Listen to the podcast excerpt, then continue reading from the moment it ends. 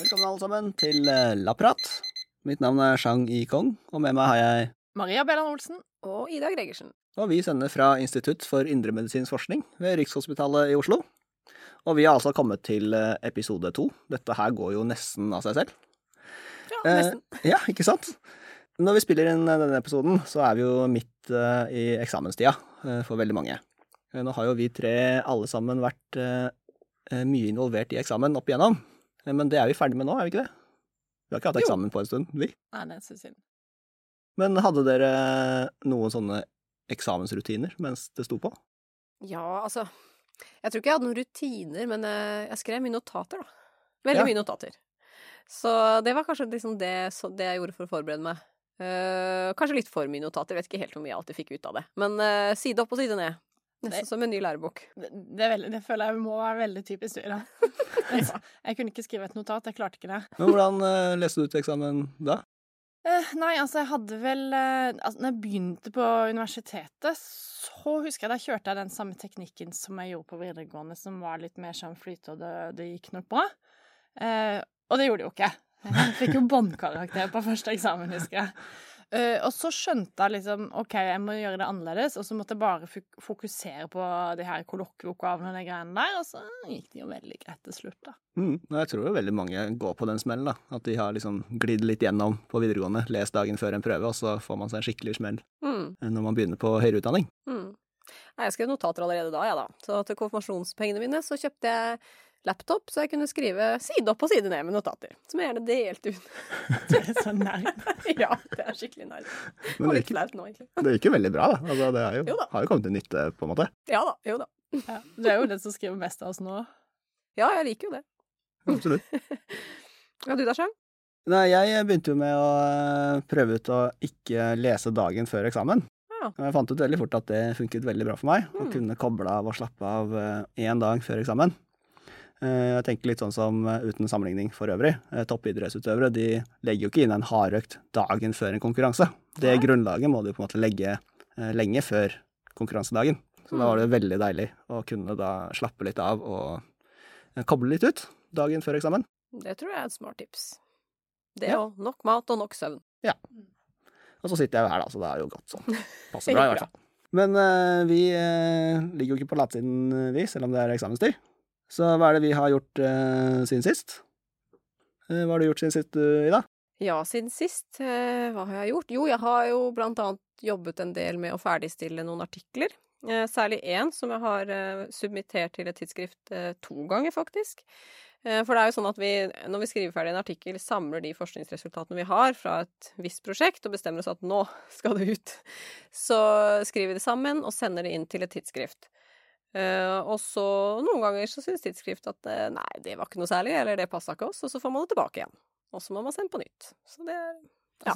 Altså, så, og prøver vi kanskje å starte med et tidsskrift som har en veldig god uh, rating. Eller som har god impact, som det også heter. Og så jobber man seg nedover etter hvert. Ja, det stemmer. Vi sikter jo ofte ganske høyt i starten. I hvert fall hvis vi har veldig tro på dataene selv, da. Ja. Og så må man på en måte regne med at noen ganger så blir det avslag. Det er bare en del av greia. Mm. Kjedelig er det uansett. Kjedelig er det uansett. Ja. Det er litt sånn teknisk å skulle legge inn og ja. Det er litt sånn ulike plattformer for hvert tidsskrift, da. Det er litt sånn tidskrevende greie. Men hva betyr det at, det er, at vi sikter høyt? Altså, hva er, hva er en bra journal?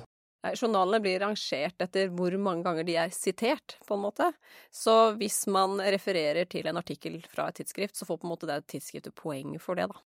Så det rangeres etter hvor mange som leser det og får nytte av det, på en måte? Mm. En, en gang så fikk jeg tilbake en artikkel, eh, og så valgte jeg å, å sende den tilbake til et tidsskrift som egentlig var bedre. Og det var en latskap fra min side, fordi da slapp jeg å gjøre så mange formateringer i dokumentet. Og det som var litt deilig, var at det faktisk kom inn i Ja. det som var enda bedre. Ja, det er jo deilig. Noen Ja. ganger går det den Ja, veien òg. latskap lønner seg av og til. Ja. det er bra. Men Maria, jeg har jo nesten ikke sett deg på laben i det siste. Eh, For du har jo sittet foran PC-skjermen. Hva er Det egentlig du har holdt på med? Du, jeg har endelig fullført en analyse som jeg har utsatt ganske lenge. Ja. Eh, Rett og slett eh, som jeg har- snakka om, prokrastinering. Og det her da er en oppgave som virkelig krever sin doktor. Du må ha doktorgrad for å gjøre denne oppgaven her. Så det jeg har gjort, er at det manuelt, da på, på PC-skjermen, har målt lengden på hjertemuskelceller i hjertesnitt fra mus.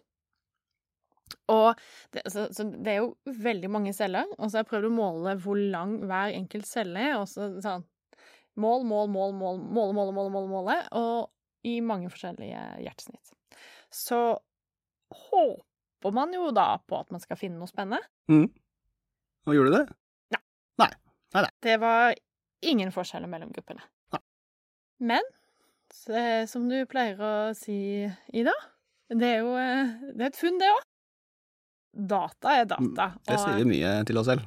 Ja, vi kan jo håpe på at ting eh, er annerledes, men vi må jo Biologi er biologi. Ja.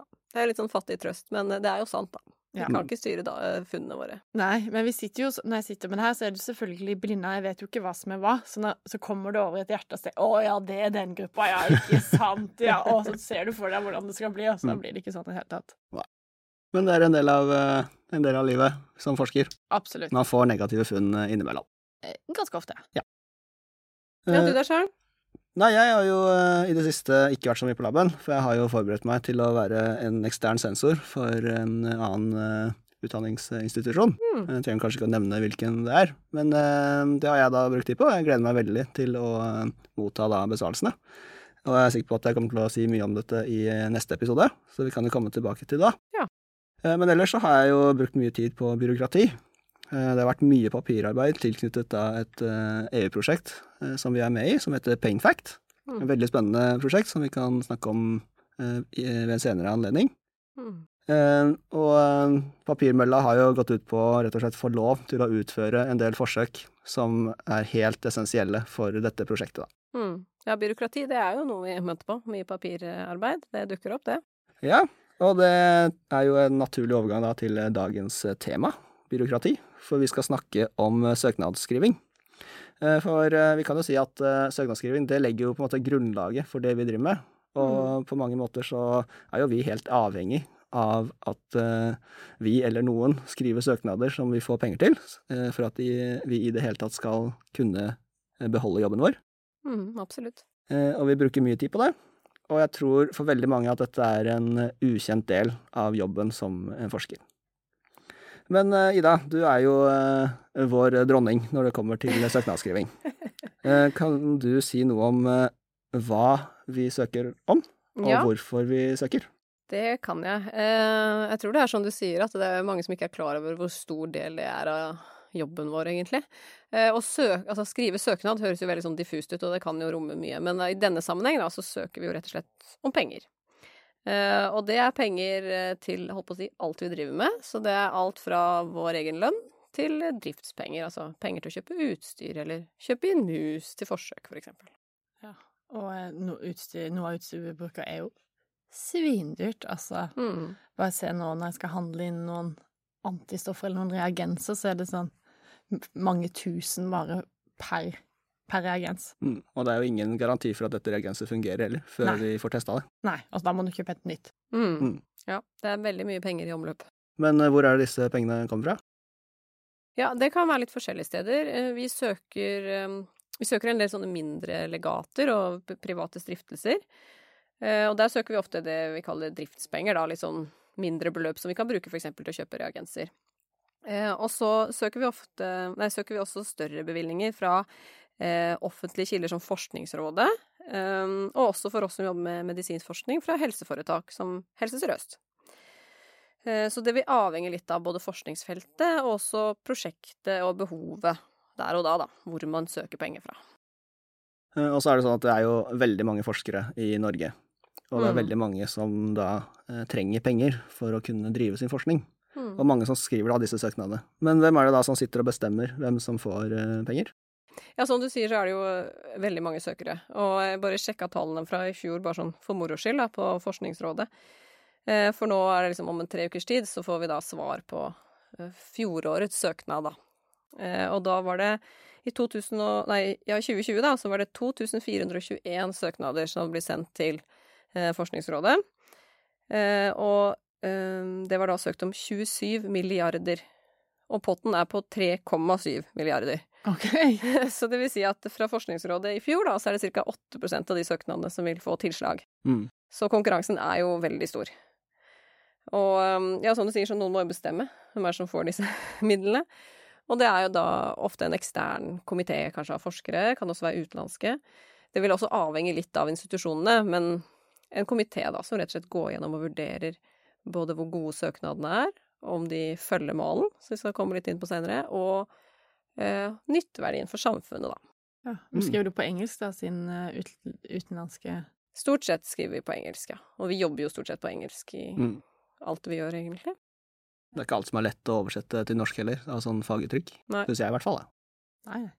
Eh, og så er det jo sånn, Ida, at vi har ikke sett deg på laben på eh, månedsvis, føles det ut som. Eh, er det sånn at det er eh, en eh, tid på året der slike ting hoper seg opp? Ja, jo, det stemmer på en måte. Flere av de store bevilgningene har ofte frister i samme kalendermåned, da, så det hoper seg litt opp, og da blir det jo en slags søkersesong. Eh, Og jeg som jobber mye med det, det er jo ikke alle som jobber like mye med det som, som jeg, eh, jobber da så å si full tid eh, på det i flere uker og kanskje måneder av gangen. Bare med søknader, egentlig. Mm, det høres jo veldig tidkrevende ut, dette her. Ja, absolutt, og, og ofte så er ikke det at søknadene er så lange, men eh, for det første så er det jo Du skal jo Det du søker om, er jo å drive forskning, så du må på en måte eh, designe et prosjekt eh, som både skal være nyttig for samfunnet, og det skal eh, være relevant på en måte for, for tida vi lever i. Og det skal også være designa på en måte som gjør at det er gjennomførbart. Så du må tenke godt igjennom hva du skal gjøre. Så det er jo også en lang tankeprosess, da, arbeidsprosess, så vi begynner jo ofte lenge før fristen. Og så i tillegg så har de forskjellige utlysningene forskjellige maler da, som disse prosjektbeskrivelsene skrives etter. Så det er igjen da dette med byråkrati, da. At er, man skal liksom inn i, en, eh, i et visst skjema på en måte og svare ut forskjellige punkter, da. Man blir kanskje kasta ut eh, hvis man ikke har fulgt malen riktig også. Det er ganske strengt, eh, særlig også fordi konkurransen er så høy. Ja. Så skal du i hvert fall ha svart ut eh, malen, eh, og du skal gjerne score topp på alle for i det hele tatt å være med i vurderingsprosessen, altså. For det, Mm. så er det ikke sjans. Så, men det som er fint, er at man eh, ofte får tilbakemelding, da, hvis man har fått avslag. Mm. Eh, så får man tilbakemelding på eh, hvor mange poeng, da, liksom litt sånn avhengig av utlysningen og, og sted, eh, hvor mange poeng man har fått på hvert punkt, og så da at man neste år for eksempel kan eh, forbedre den samme søknaden og sende den inn på nytt, og det gjør vi jo ofte, da. Så ofte så resirkuleres de søknadene man ikke har fått, og liksom de bare forberedes. Så lurt å begynne i god tid, og det kan ta flere år før man får på det prosjektet. Mm. Eh, Men det er som vi har vært inne på, at vi er jo helt avhengig av å av og til få tilslag på disse søknadene eh, for å kunne fortsette å gjøre jobben vår. Så det gir jo en veldig uforutsigbarhet i hverdagen vår.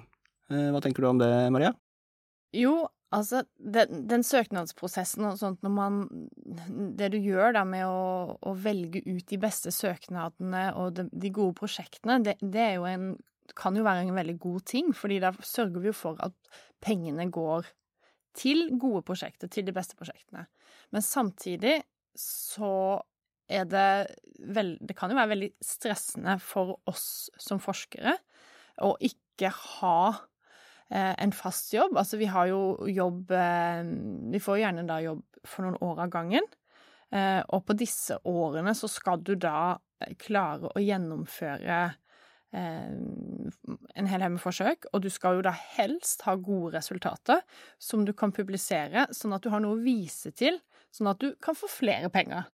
Ja, for man blir jo målt veldig på merittene sine. Man skal jo gjerne sende med en publikasjonsliste som viser hvor, igjen, gode, hvor gode tidsskrifter du har publisert i før, og eh, hvilke andre kanskje bevilgninger du har fått. Så det blir liksom sånn det blir i samfunnet generelt, at har man mye penger, så er det lett å tjene mye penger, på en måte. Mm. Fordi da har Mm. man kanskje en stor forskningsgruppe som kan produsere mye og publisere bra, men å etablere seg som ny kan kanskje være litt vanskeligere. Mm. det er jo litt flaks og uflaks, fordi du vet jo ikke hva du finner på forhånd. Så noen ganger kan du være himla heldig å finne noe, og andre ganger ikke, men du kan allikevel ha gjort en veldig god og viktig jobb. Og det gjør jo også at du kanskje da ikke publiserer da negative funn, fordi det vil ikke komme ut i de her veldig bra tidsskriftene, så da ender du ikke opp med en god CV. Og det å sånn Totalt sett så er jo det veldig dumt at folk ikke publiserer eh, de kjedelige historiene, på en måte. Og så er det veldig lett å havne i en sånn ond sirkel, da. At hvis man ikke klarer å få til noe med bevilgning man har fått, eh, så får man kanskje ikke bevilgning neste gang heller. Mm, Eh. Og så ender man opp med å ikke ha penger til å utføre sin, sin forskning. Og så er det kanskje noe forskning som aldri ser dagens lys. Mm. Så har man en stor forskningsgruppe på en måte som man hva skal jeg si, ha, har i ryggen, da, som har mye penger, og som ofte kanskje kan lønne deg, eller passe litt på deg, da, at du får lønnsmidler, så er det jo én ting. Men hvis du er i en mindre forskningsgruppe eller litt mer selvstendig, så kan det jo være vanskelig å, å få det til å gå rundt, da. Eh, og vi har jo Vi kjenner jo flere, vi som på en måte ikke vet om de har jobb om et par måneder, fordi de venter på svar på en søknad. Ja, jeg tenkte bare på det der at så In the good old days så var det jo litt mer sånn du ble ansatt, forsk, finn finne ut av noe gøy. Og det virker jo himla deilig. Og det produserte mye spennende forskning, det også. Men samtidig så har du jo den Da har du ikke helt den kontrollen på hva, på hva som faktisk blir produsert. Det, det kan jo være da mange som går og dalter og dilter litt òg, i sin egen eh, lille boble. Eh, Kan jeg bare få skyte inn en digresjon før vi runder av? Gjør det. Ja, det, det jeg kom til å tenke på, apropos det å havne i en ond sirkel, eh, så var det en gammel professor på Gamle institutt for biovitenskap på Blindern. Jeg skal kanskje ikke si hva han heter for noe, eh, de som vet, de vet.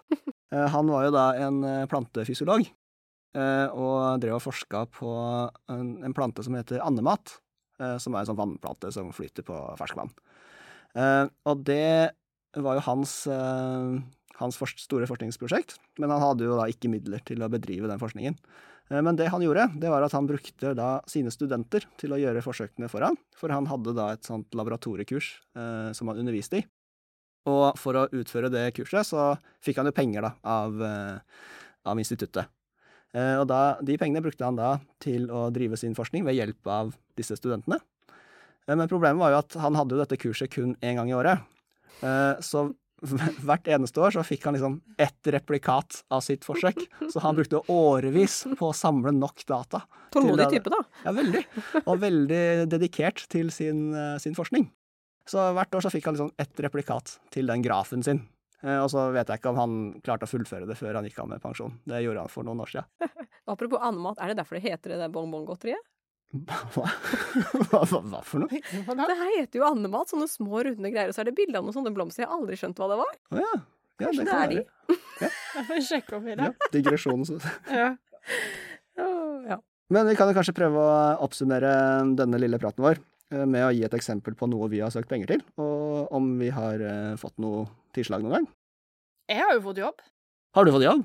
Ja, eller Det, det er jo på det samme stedet, da. ja. Men, ja. eh, Vi mister deg ikke. Nei, Nei. nei. da. Men eh, ja, vi, til, til jul så fikk jo eh, vi penger.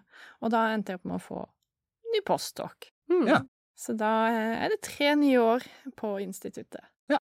Ja, så det er jo et veldig godt eksempel på, på en måte hvor, ja, hvor viktig det er. da. Så det er alltid veldig spennende rundt disse når vi får på en måte Når, når fristene er, og når vi får svar, da. Eh, Da sitter jo en del av tvinner tommelen og, og venter. Og du ble jo ganske glad, husker jeg. Ja, jeg ble glad. Det er jo veldig deilig å få den lille julaften. Ja, Ja, ikke ikke sant? sant. Ja, Kan jo være i tre år til. det er bra. Men da har vi jo også kommet til da avslutningen på dagens episode, Maria. Og eh, du har jo da et lite eureka-øyeblikk du har lyst til å dele med oss. Og eh, siste episode så skulle du snakke om nitrogenoksid. Eh, er det det vi skal få høre om i dag, eller? Nei. Nei. Eh, Det, det hadde jeg glemt. Ja. Så det jeg har eh, Det jeg har eh, funnet på i dag, det handler om toll. Tolv. Ja, ja, ja, men Toll og skatt. Ja, ja, ja, men det, det, Det var det første jeg hadde tenkt på. Tollvesenet, liksom. For jeg har gjort litt mer siden sist enn å måle lengden på de der hjertemuskelcellene. For eh, du og Edia, vi har jo sammen med andre kollegaer skrevet en review-artikkel. Mm. Eller da en oversiktsartikkel. Ja, som er litt sånn oppsummering egentlig av feltet, da. Hva vet man om det man da skriver om Ja. nå? Og det vi skrev om, det var om en komponent i vårt medfødte immunsystem som da kalles inflammasomer. Og inflammasomer, det er da store proteinkomplekser, og de reguleres veldig nøye. Men når de først aktiveres, som da for eksempel ved infeksjon, så blir de kjempeeffektive, og så produserer de aktive cytokiner, eller da signalmolekyler, og de blir da pumpa ut av celler, og så, eh, og så aktiverer de alle cellene rundt og sier ifra om at her er det fare. En kraftig betennelsesreaksjon. Rett og slett en kraftig betennelsesreaksjon. Um, og da Jeg kommer jo fra en annen eh, forskningsgruppe enn dere, nå er jo vi blitt ett. Eh, men eh, tidligere så var jo vi veldig opptatt av da inflammasomer. Og en ting som man da alltid får servert på sånn foredrag om inflammasomer, det er en historien da om en viktig medspiller og en aktivator av inflammasomer som kalles toll. Ja. Tollreseptoren. Og grunnen til at den heter toll, det er fordi at eh, altså den her ble funnet i bananflua. Og en sånn en liten digresjon, så er ikke bananflue er ikke bare en irriterende flue. Den er utrolig Den har vært utrolig viktig, og den er fortsatt utrolig viktig sånn vitenskapelig sett. Eh, og det er vel eh, seks nobelpriser Ja. som bygger på forskning i bananflue. Nei, såpass. Såpass. Så det er ikke noe sånn tulleflue der, altså. Eh, og da over til tolv, så i 1985 så satt Christiane Nyslein Wollhart Hun satt på Max Planck-instituttet i Tybingen, og så analyserte hun mutasjoner i bananflua. Og det, det var en veldig vanlig måte før for å finne ut av hva gjør genene i kroppen vår. Da lagde man masse mutasjoner. Jeg tippa bare at det var med typisk stråling eller noe sånt man utsatte fluene for, eh, og så hva som skjedde. Og hvis du fant noen sånn artige ting og tang, så prøvde man å finne ut av hvilke gener forårsaker dette. Og en, en sånn ting var eh, at hun her, Kristiane, hun fant ei flue eh, hvor den ene delen av kroppen var helt underutvikla. Og det, det hun da sa Das var ja toll! Og det har jeg nå sjekka med et par tyskere, mor og sønn, og funnet ut at eh, det betyr Det var da flott! Hmm. Da bestemte hun seg for at dette genet, som hun da fant ut var årsaken til eh, denne rare kroppen, skulle hete toll. Nettopp. Hmm. Og, så det er jo litt artig hvordan, eh, hvordan det ble hetende toll. Og så, nå hadde jo ikke det med rar kropp hadde jo ikke noe med immunsystemet å gjøre sånn der og da, men senere Ting bygger jo på hverandre, vet du. Eh, da senere så er det da et, noen andre forskere som finner ut at toll også er viktig for immunsystemet. Og eh, måten da de fant ut av det på, var igjen en mutasjon i altså Den samme mutasjonen i drosofila, men det de så nå, var at Og det her da det klassiske bildet kommer opp på, eh, på powerpointen i det her foredraget. Og det du da får bilde av, er en sånn bananflue som ligger litt sånn sidelengs vrengt. Og jeg, jeg tror den er død, da, eh, men, eh, men det sier, det ikke bildet noe om. Men, men da, den, den bananflua er da dekka av sånne små sopp. Og det ser, det ser egentlig skikkelig skikkelig ekkelt ut. Og det som er greia da, er at toll er så viktig for å beskytte Altså at, for at immunsystemet skal klare å beskytte oss mot soppinfeksjon. Så uten toll, den tollreseptoren, så dør flua av soppinfeksjon, for den blir rett og slett overtatt av sopp. Nettopp. Det bildet har jeg aldri sett. Nei, altså. ikke heller. Nei, altså det det er, et, det er et veldig klassisk bilde, så det, det, det må dere bare se. Altså, Ja, det, tror jeg må dele med oss.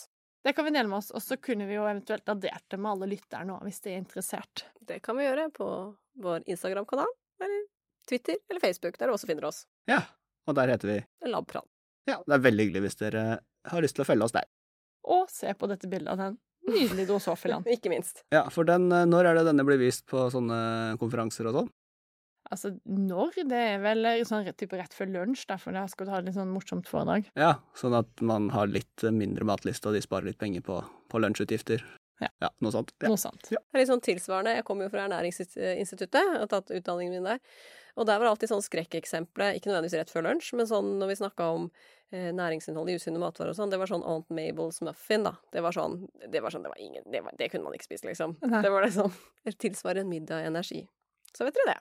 Hva var det det het for noe sånt? Aunt Mabels, det er de der De selv- ferdigmuffinsene, vet du, som er vakuumpakka i butikken. Sånne Ja, store ja, ja. de pleier jeg alltid å spise. Ja, ja, ja, det er jo nettopp på- det, at det var jo veldig in en periode, da. Ja, det var ja. Så vet det er det. Det er det samme som en middag? Ja, litt av middag. Yes. Ja, det var en digresjon. Ja, der kommer ernæringsfysiologen frem. Ja, men tusen takk, Maria, for eh, dette eureka-øyeblikket. Yes. Eh, Kommer vi til å høre om nitrogenoksid neste episode, da, kanskje? Det kan godt være, men jeg kan ikke love noe. Eh, Da venter vi i spenning. Ja, men vi får se hva det blir neste gang. Yes. Men da er det også på tide for oss å takke for oss for denne gang. Vi skal vel tilbake på laben nå, så vi snakkes. Vi snakkes. Ha det bra.